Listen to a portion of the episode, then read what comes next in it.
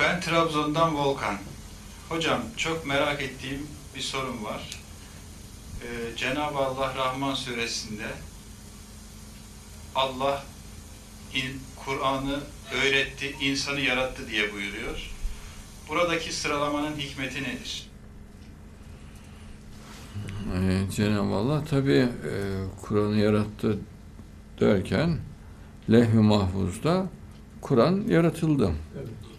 Ama önce sonra diye bir şey yoktur Allah için onu söyleyeyim. O bize göredir. Allah katında her şey an içinde yaratılmıştır ve bitmiştir. Ee, Dolayısıyla Cenab-ı Allah Kur'an üstün olduğu için yüce olduğu için tabii ki o üstünlüğü, yüceliği Allah bize hissettirmek için Kur'an'ı öncelikle zikreder.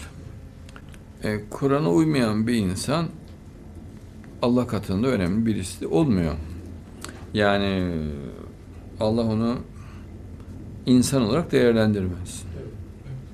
E, Kur'an'la insan değerli oluyor, imanla değerli oluyor, Allah'ı severek değerli oluyor. Kur'an'ın önde zikredilmesinin bir hikmeti de budur. Allahu alem.